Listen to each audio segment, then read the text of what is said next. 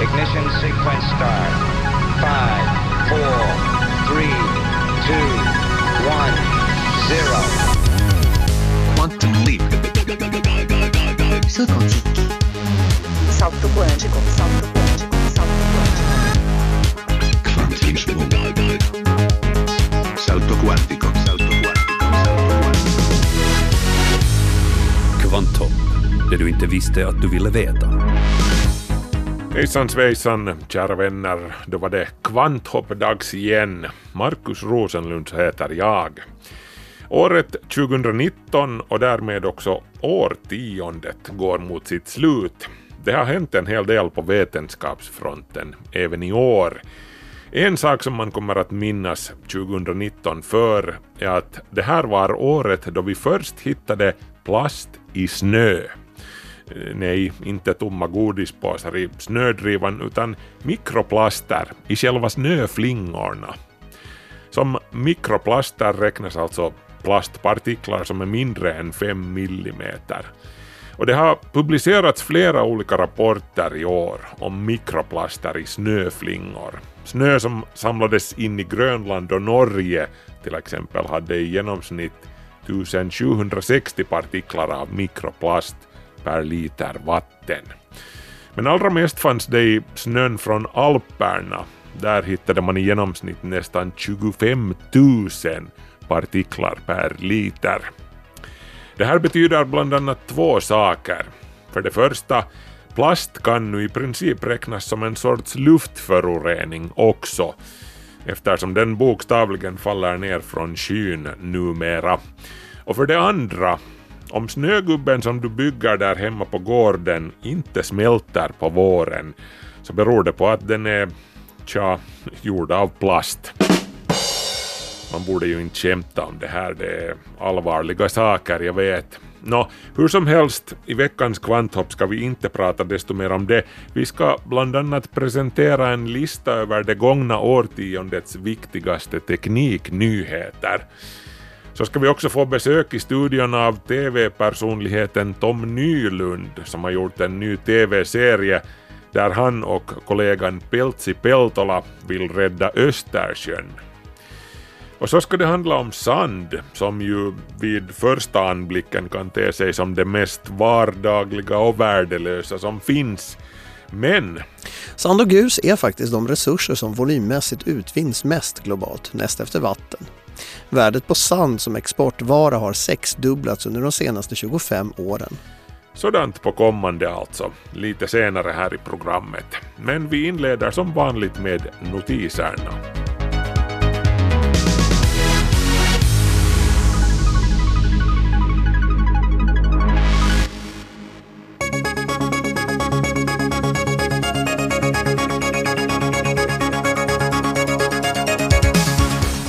NASA har stresstestat sin nya kommande tunga bärraket SLS, eller Space Launch System. Tanken är att SLS ska användas till att flyga astronauter till månen så pass snart som 2024. Raketen skulle ursprungligen provflygas nu i år, men siktet är nu ställt på 2021. Och nu tidigare den här veckan utförde man ett trycktest av den enorma bränsletanken som är en av raketens mest kritiska komponenter. Tanken som för testet var fylld med kväve utsattes för tryck, spänning och böjkrafter som mättes med hjälp av tusentals sensorer och kameror. Ingenjörerna använde hydrauliska kolvar för att skapa ett tryck och en vridning på mer än tusen ton. I fem timmar stod tanken emot krafter som motsvarar 260 procent av de påfrestningar som uppstår i samband med en verklig uppskjutning. Slutligen rämnade tanken, men det var planerat. Ingenjörerna ville se hur långt man kunde ta den. Batteridrivna bussar är redan vardagsmat på många håll i världen, men lastbilarna de väntar ännu på sin tur att elektrifieras. Innan det kan ske på bred front finns det ett antal hinder som behöver övervinnas. Svenska Volvo lastvagnar räknade den här veckan upp tre krav som enligt dem behöver mötas. För det första ekonomiskt stöd från samhället. Smakar det så kostar det. Staten måste stödja de transportörer som går i bräschen för den nya tekniken. För det andra kapacitet i elnätet. Samhället måste se till att kraftverken klarar av att förse elnätet med ström för att ladda alla nya eldrivna lastbilar, inte minst på de platser där många ellastbilar kan behöva snabbladdas samtidigt. Och för det tredje, publika laddnätverk. Det måste byggas en heltäckande laddningsinfrastruktur, påpekar Volvo, precis som det finns tankningsställen för diesel just nu. En ny amerikansk studie tyder på att det kan vara möjligt att läsa ut den förväntade livslängden ur var och en arts DNA baserat på den så kallade DNA-metyleringen, en sorts sönderfall som vårt DNA genomgår med tiden. Med det här som klocka landade forskarna på att människan till exempel tycks ha en inom citat naturlig förväntad livslängd på 38 år. Enligt samma DNA-klocka har grönlandsvalen, det mest långlivade däggdjuret, en optimal livslängd på hela 268 år. Den numera utdöda ullhåriga mammutens DNA visar på en optimal livslängd på 60 år. Det här stämmer rätt väl överens med mammutens nulevande kusiner, elefanternas typiska livslängd som är ungefär 65 år.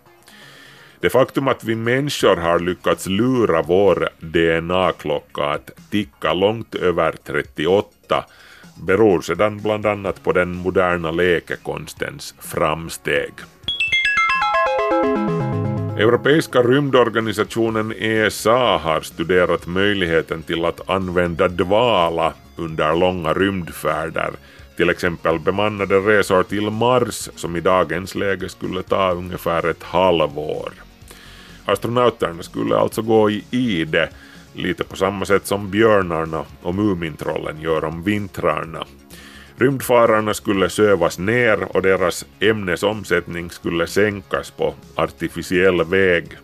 I och med det här kunde man göra rymdfarkosterna betydligt mindre och lättare då en sovande besättning ju behöver betydligt mindre utrymme än en besättning som är vaken under hela resan. Den medicinska tekniken för att försänka människor i konstgjord dvala är inte ens värst exotisk, konstaterar ESA i sin rapport. Samma sorts metoder används rutinmässigt på sjukhusen redan nu.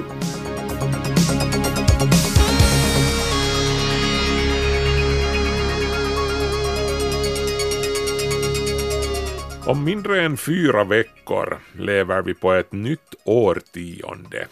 För att uppmärksamma det årtionde som har gått ska vi fortsätta med vår serie där vi blickar tillbaka på 2010-talet.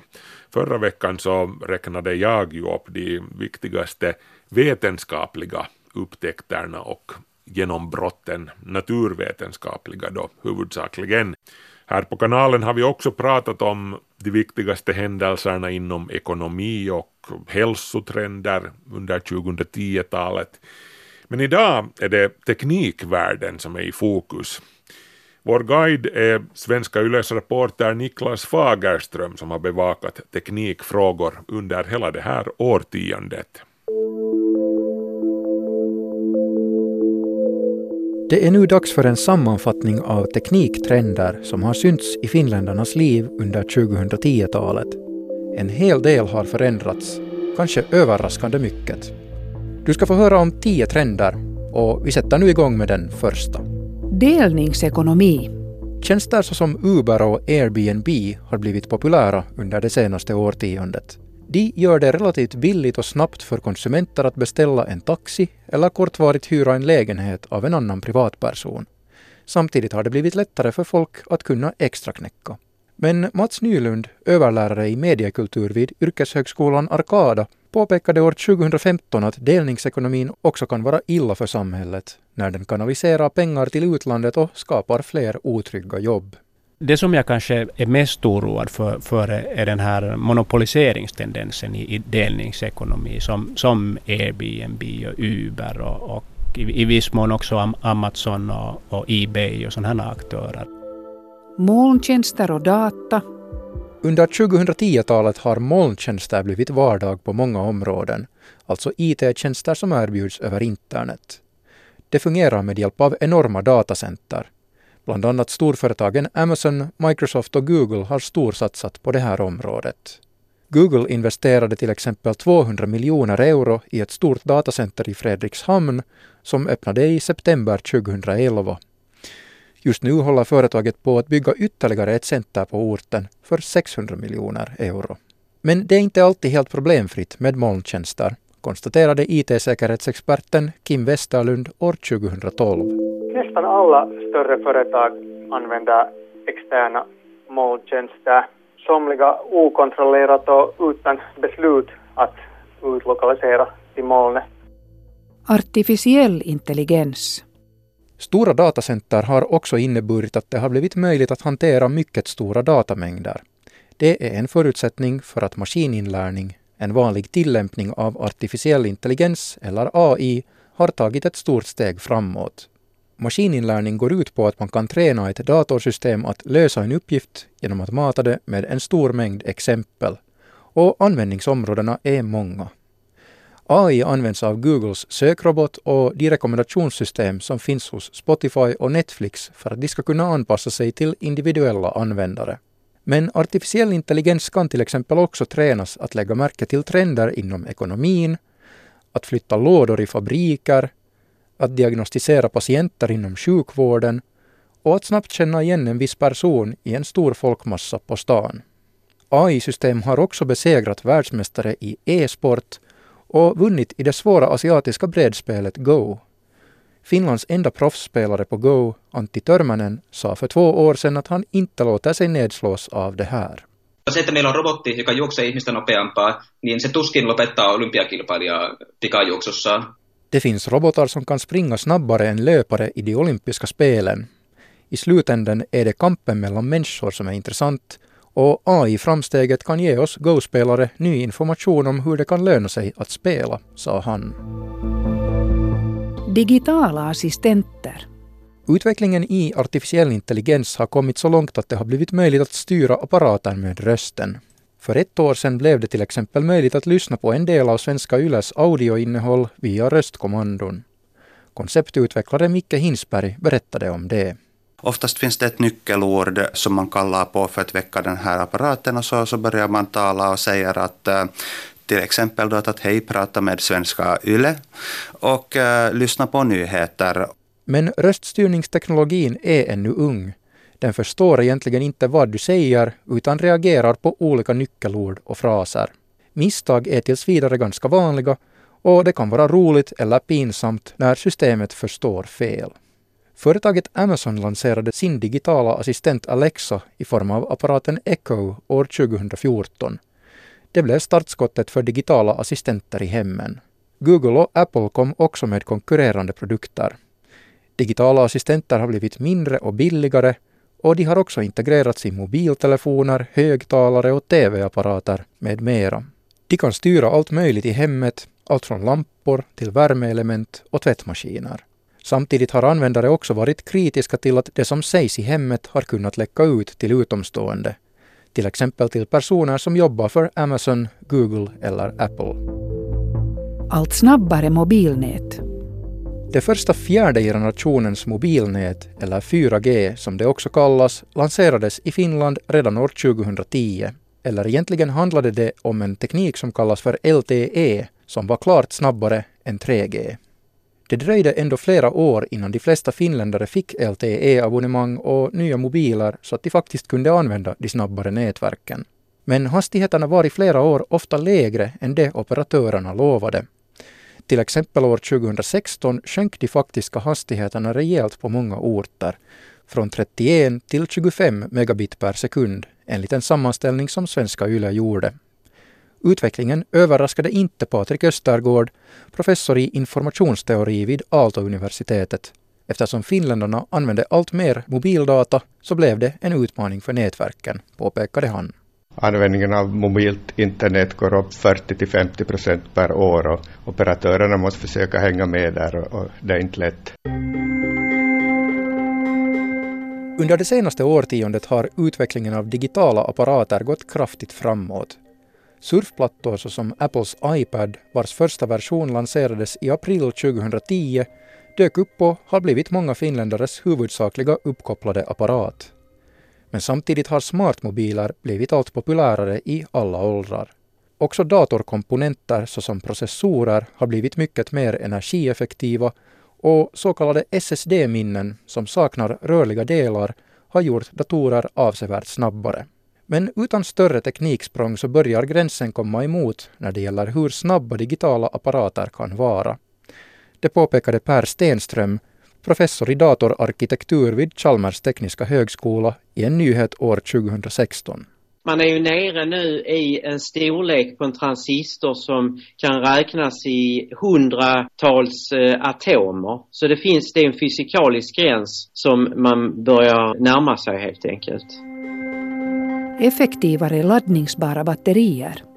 Små och kraftfulla apparater har också varit möjliga tack vare att laddningsbara batterier har blivit mycket bättre under 2010-talet i och med litiumjontekniken som har betydligt högre energitäthet än tidigare generationers laddningsbara batterier. Batteripriserna har samtidigt sjunkit avsevärt. Det här har skapat en mobil och trådlös revolution med bättre batteritid i allt från mobiler och surfplattor till elskotrar, elcyklar, drönare och elbilar. Kroppsburen teknik och självmätande.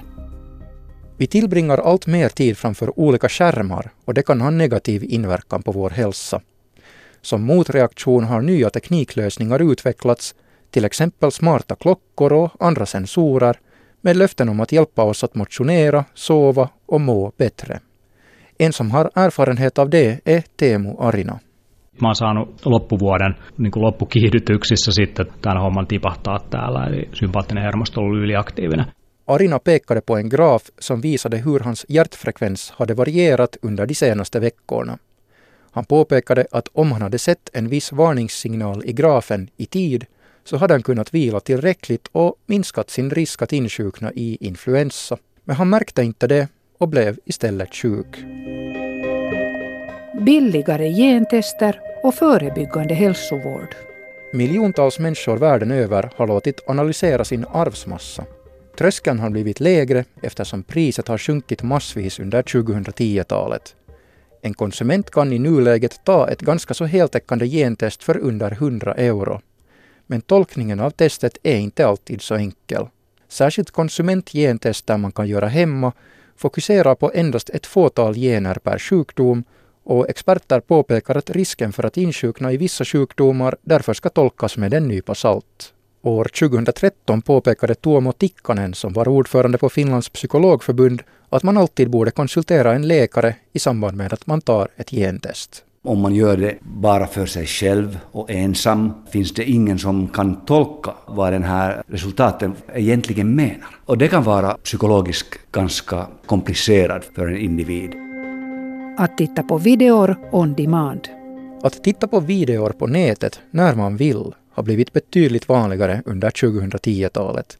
Till exempel Netflix och Youtube lockar stor publik. Samtidigt har Yles streamningstjänst Arenan legat i topp bland finländarna under i stort sett hela årtiondet. Till exempel årets videoinnehåll från självständighetsfirandet på slottet har startats mer än 1,1 miljoner gånger, vilket är betydligt mer än tidigare år. Det var Niklas Fagerström som hade sammanställt den listan över 10-talets tekniktrender.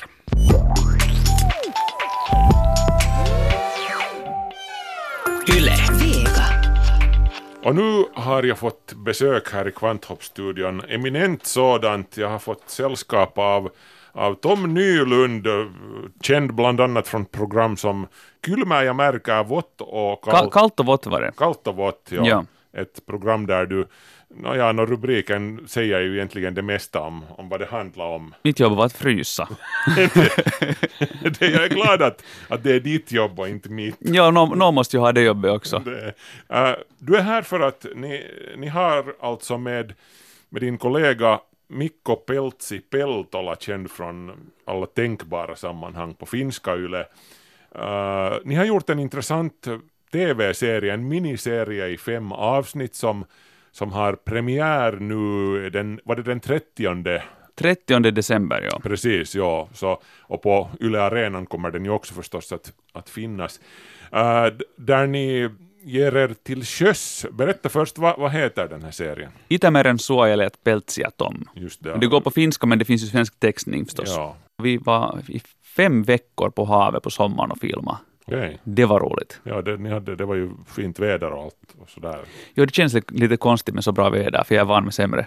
Jag, eller jag är sån dålig väder för magnet, ska vi säga så, att jag är inte bästa sällskapet att ha med på tur därför. Men, men, men, samtidigt som, jag menar ur, en, ur ett semesterperspektiv var det ju äh, fint väder, men men sett ur Östersunds perspektiv var det ju inte så fint när, för den här värmen och stiltjen så skapar ju sen de här algmattorna som, som är väldigt tragiska. Ja, så tillvida hade, hade vi bra på det sättet forskningsgrunder där, att vi, man, såg, man såg konkret vad värmen gör, att just om man tänker blåmusslan och här som blir stressade av varmt väder, mm.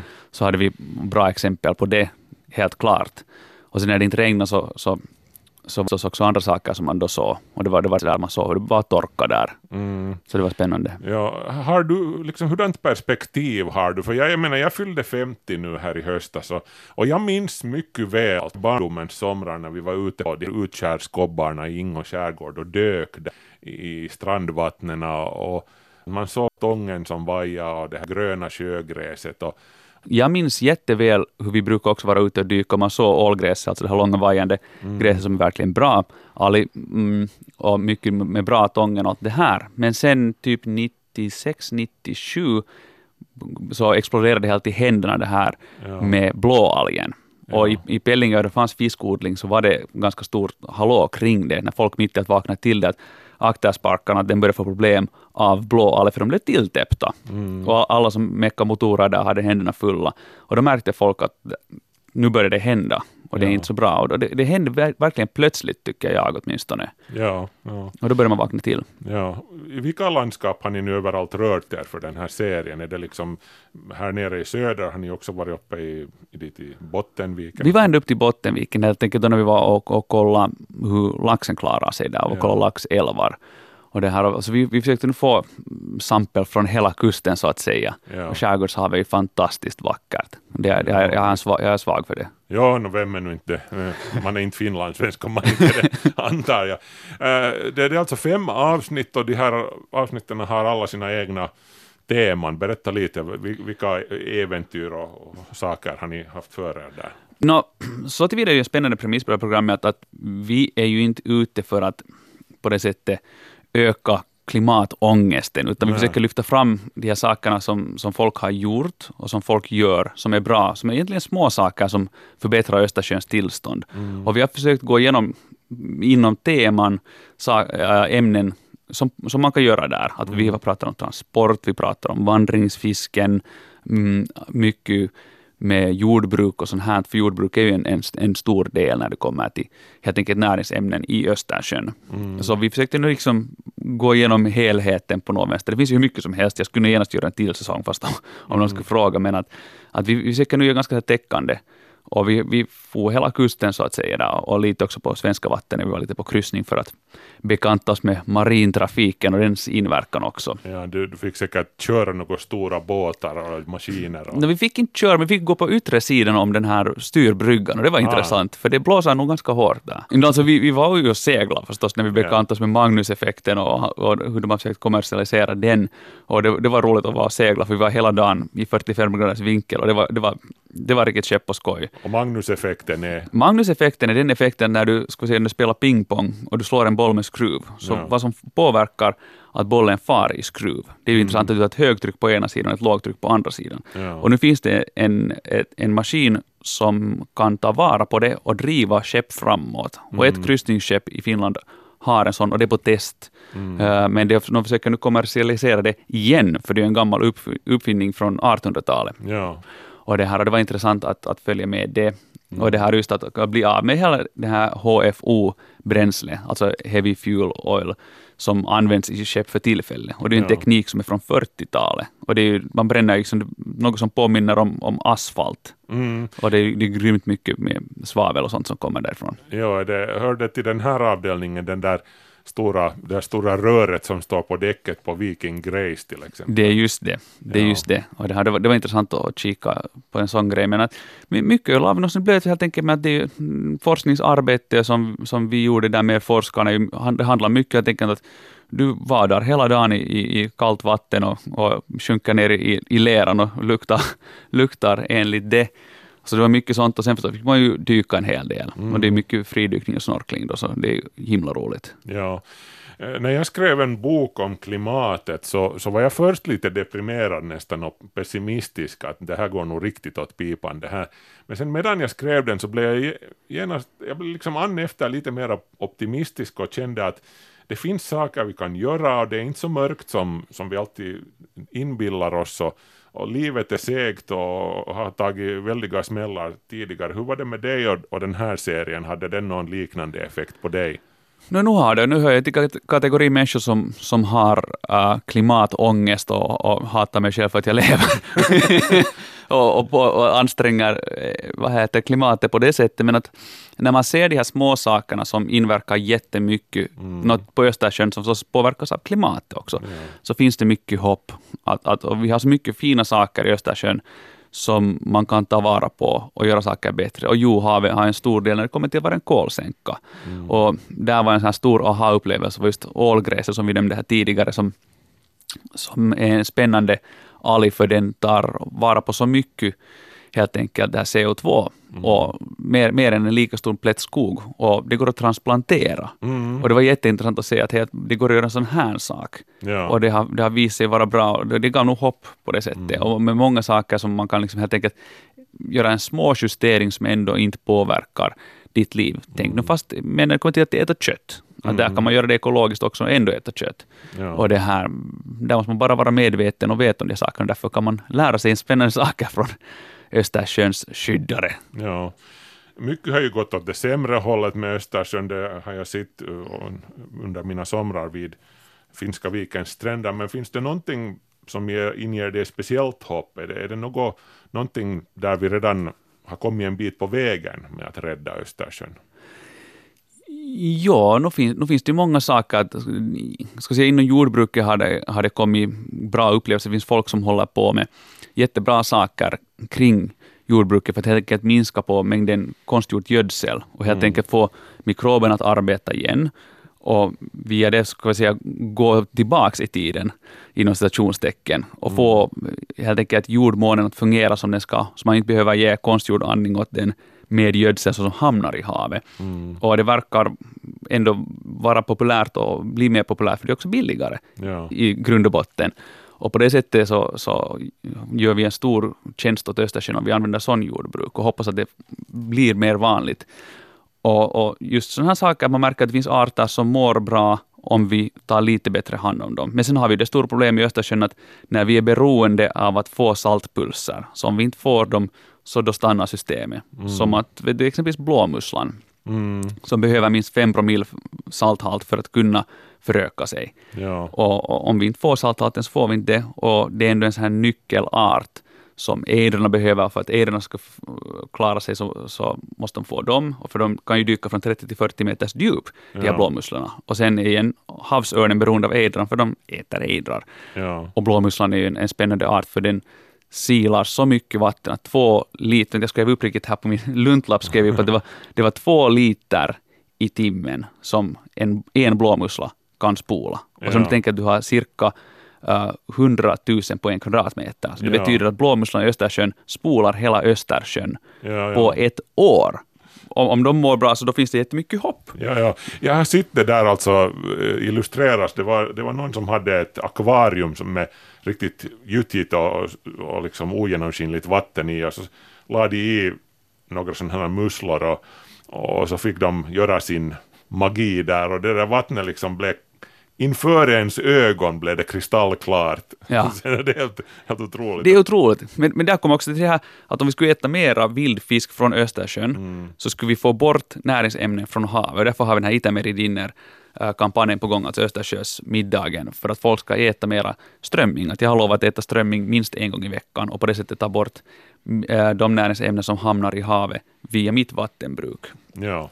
Okej, äta strömming det är en Mm. sak man kan göra. Kan du ge några, här, några goda tips på vad man var och en kan göra för att eh, hjälpa Östersjön? Nu är det ju förstås att, att, att äh, se till att man använder mera inhemska, inhemska produkter Mm. när det kommer till alltså grönsaker och sånt här. Och just att, att inte, inte köpa så mycket ut, utländsk, alltså norsk lax, för det är det som folk äter Mm. mest. För det tråkiga är ju det att 98 procent av, av strömmingsfångsten går till annat än människobruk. Och det betyder att du skulle lämna på din julkalender, din chokokalender, 23,2 kalendrar oöppnade. Det är deprimerande. Ja, ja. Så det här, så, så mycket kan man göra med helt enkelt sina matval, för du vill ju inte introducera mera tryck i kretsomloppet då. Ja. Så det, det är ju en hemskt bra Ja. grej.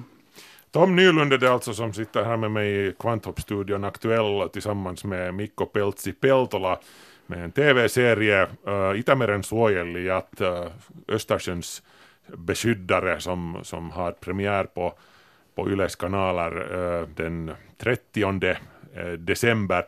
Jag måste ännu fråga dig här till slut Tom, har du, har, har du barn själv? Nu minns Två. Jag. Två stycken, har, just det du har ju det. Ja. Och hur, för jag har själv också två barn och, och, och jag, det har varit så jättejobbigt det här alltså. För, för vi de trivs ju också tillsammans med mig och min, min fru ute på Holmen sådär om somrarna. Och det, det skär så i hjärtat när de inte får uppleva det där, det där som jag fick som, uppleva som barn, den där rena det där rena havet med vet du, massor med maneter och alla världens fiskar och, och så vidare bortåt. Hur, och sen att jag, jag, jag liksom är ju lite skyldig till att det har blivit så här själv också, för jag har ju med min livsstil bidragit till att allt det här har hänt. Hur, hur har du själv liksom eh, så att säga löst den här, det, det här dilemmat med dina egna barn? Hur har du förklarat det här? Eller? Nå, jag, har, jag har inte ännu, de är inte ännu så stora, det är fem och två, så jag har inte ännu hamnat förklara det här, att vilken ja. syndare vet du, gångna generationer har varit. Men jag, jag, jag, jag försöker inte kanske ta så mycket ångest, Mm. för jag ser ändå att, att jag, jag försöker vara medveten konsument och, och, och sprida budskap om hur man kan ta hand, men att nu hoppas jag att de får uppleva sådana algfria somrar Mm. och, så, och så vidare. Och helt enkelt lära dem att, att leva ett hållbart liv på det sättet att, att man måste inte alltid köpa nytt och man behöver inte konsumera för att finna en identitet. Att vi har hemskt mycket så här naturforskningslekar, så de lär sig uppskatta spännande saker, att sniglar och fåglar och maskar och allt, allt roligt. Och den sortens grejer. Och sen så här spännande vetenskapliga fakta tycker jag de hemskt mycket om, som att det här att om man kissar i havet så betyder en kiss i havet betyder en skottkärra alger. Och det är, en- det är en sån här viktig tes som, som jag att min pojke försöker lära det här att för pojkar har det, tycker det är ganska roligt säkert att, att kissa i havet, men det är en skottkärra som man orsakar då. Ja, och, och samtidigt är det ju det här med barnen att det, det är väldigt hoppingivande för man, barnen visar en på något vis hur, hur snabbt en förändring kan vara möjlig. För när, man, när jag tänker på liksom min egen äh, inställning jämfört med till exempel min morfar som, som vet du, på, på min morfars tid så det var fullt naturligt att kasta liksom allt Jo. i havet. Ja, samma med minne, jag seglade med morfar när jag var liten, så Ja. då gjorde man ett sånt här, vet du, ett, ett, ett, en tjänst för miljön. Du vet, jag kommer när sixpackarna hade, Ja. hade såna här plastringar kring Ja, sig. ja. Så då var det min uppgift att sitta med sax och klippa dem i bitar och sen slänga över bord, för då, då, då fastnar inte fåglarna och det är ekologiskt. Och nu i dagens läge vet man bättre att det där, det är mikroplast, men det är också det här att, att, att vet du, man säger på finska att tieto lisää tuskaa.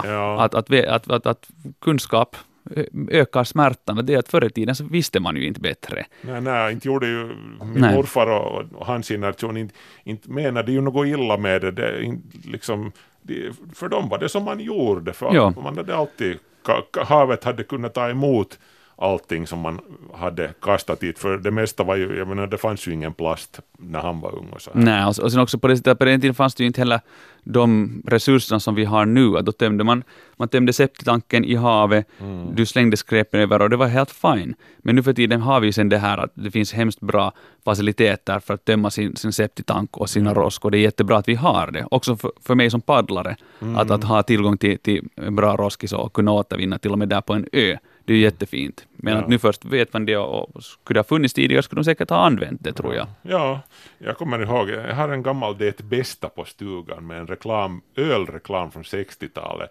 Eh, Där var liksom en bild av en ölburk och en illustration av så här gör du dig av med ölburken på ett smart sätt. Du sticker ett hål i den med en skruvmejsel eller någonting så att den sjunker när du kastar den i vattnet. Ja. Det var det viset blir du av med det. Ja, det är roligt. Det finns ju det här, det här, äh, sån här svenska infovideon från 60-talet, var man lär sig hur man, hur man packar skräpet i båten i, i påsar så de ändå sjunker. Att sätta stenar in och knyta om och där. Och det, och det, det, 60-talet är ju inte så länge sedan. Nej, nej, det, jag är född i slutet av Mm. 69 är jag född. Så, så hoho, ho, ja, tiderna förändras och vi med dem och vi ska hoppas att den här förändringen sker åt ett, en, i en bättre riktning för en gångs skull, för det har ju gått åt det sämre hållet väldigt länge, men nu, nu vi beslutar att nu vänder det och då vänder Mm. det. Men man måste ju kavla upp ärmarna förstås eh, för att det här ska ske. Ändå, sista frågan, eh, Tom Nylund, eh, ska du, jag menar det, det här skulle kunna vara liksom, det finns en öppning för en, en vinterversion av det här programmet också vet du, att ni far ut på ski, i, isen och gör saker. Jag, jag skulle hemskt gärna, för jag är, jag är svag för, för glaciärer och, och all, allt som heter vinterforskning också. Att jag, om, no- om någon ringer mig och frågar om jag vill ha en sån här serie om vintern så jag är genast med. Ja, ja, för du tycker ju om att frysa. Det tycker jag, eller vet du, ja, ja man, man, man, känner, man känner sig lite hårdare då.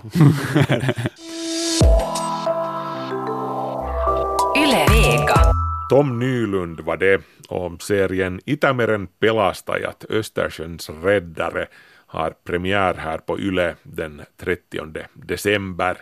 Från och med då kan man till exempel titta på hela serien i sträck på arenan om man så vill.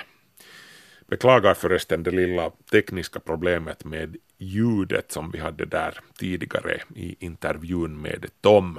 Kvanthopp, det du inte visste att du ville veta. Härnäst här i Kvanthopp ska det handla om sand som har blivit en av de viktigaste råvarorna i världen under de senaste årtiondena.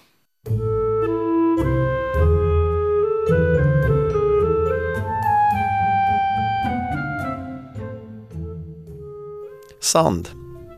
När vi tänker på sand är det oftast fina stränder, paraplydrinkar och hav som dyker upp i huvudet. Eller möjligen de fascinerande och ödsliga sanddynerna i Afrika och Mellanöstern. Men för någon med ett ekonomiskt eller samhällsbyggande perspektiv betyder sand någonting annat, nämligen utveckling och konstruktion. När Dubai byggde sina berömda konstgjorda öar, till exempel den där som ser ut som en palm, så använde man sig av 94 miljoner kubikmeter sand som utvanns från havsbotten och stränder i landet. Kina använder också sand och grus för att bygga konstgjord fastland och öar, precis som i Dubai och det slukar enorma mängder sand. Sand och grus är faktiskt de resurser som volymmässigt utvinns mest globalt, näst efter vatten. Värdet på sand som exportvara har sexdubblats under de senaste 25 åren.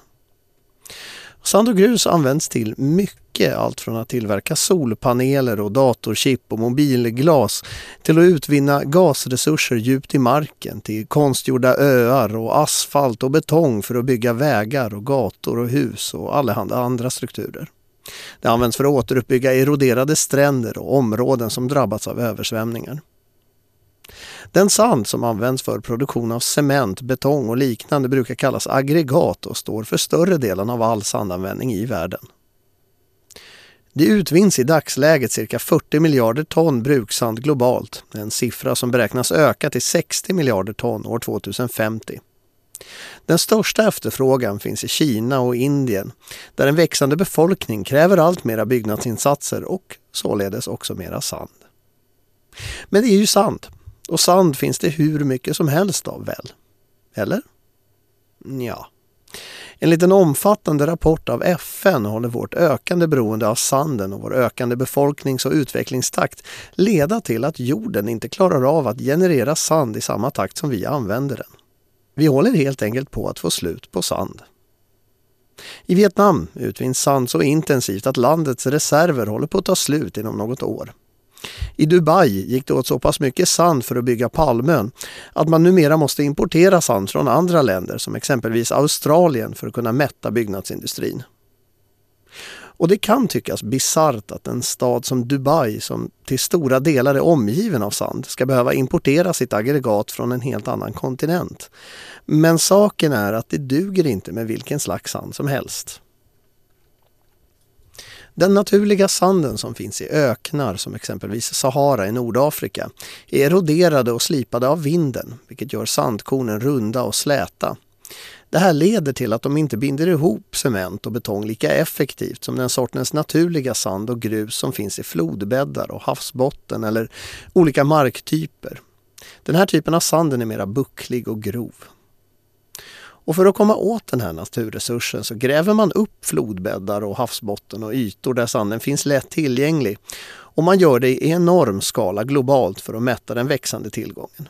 Det sker med allt från grävmaskiner på vissa platser till att grupper av lågavlönade människor gräver loss sanden för hand och fraktar den i korgar. Och den här verksamheten kan tyckas harmlös men sanningen är att den har långtgående konsekvenser på både miljö och folks vardagsliv på olika sätt beroende på typen av sand och var den inhämtas. Och bara själva mängderna som utvinns gör det till ett växande problem i utvecklingsländerna och i förlängningen även globalt när miljökonsekvenserna växer. I Mekongdeltat i Vietnam håller den intensiva utvinningen av sand längs flodbankerna på att förstöra det naturliga skyddet mot översvämningar och eroderar bort odlingsbar mark. Dessutom hotas djurarter som lever på de här områdena. En studie visar att effekterna på Sri Lanka av tsunamin i Indiska oceanen 2004 förmodligen förstärktes av att sandbanker vid floder grävts bort och återställandet av kustlinjen blev betydligt svårare på grund av utvinningens omfattning. I vissa delar av Sydafrika eroderar odlingsmark bort på grund av att utvinningen förstör växtlighet som ska binda marken. I Indien talar man om att sandutvinningen ändrar flodernas lopp och förstör viloplatser för krokodiler och platser där exempelvis sköldpaddor vanligen lägger sina ägg. För att nu ge några exempel.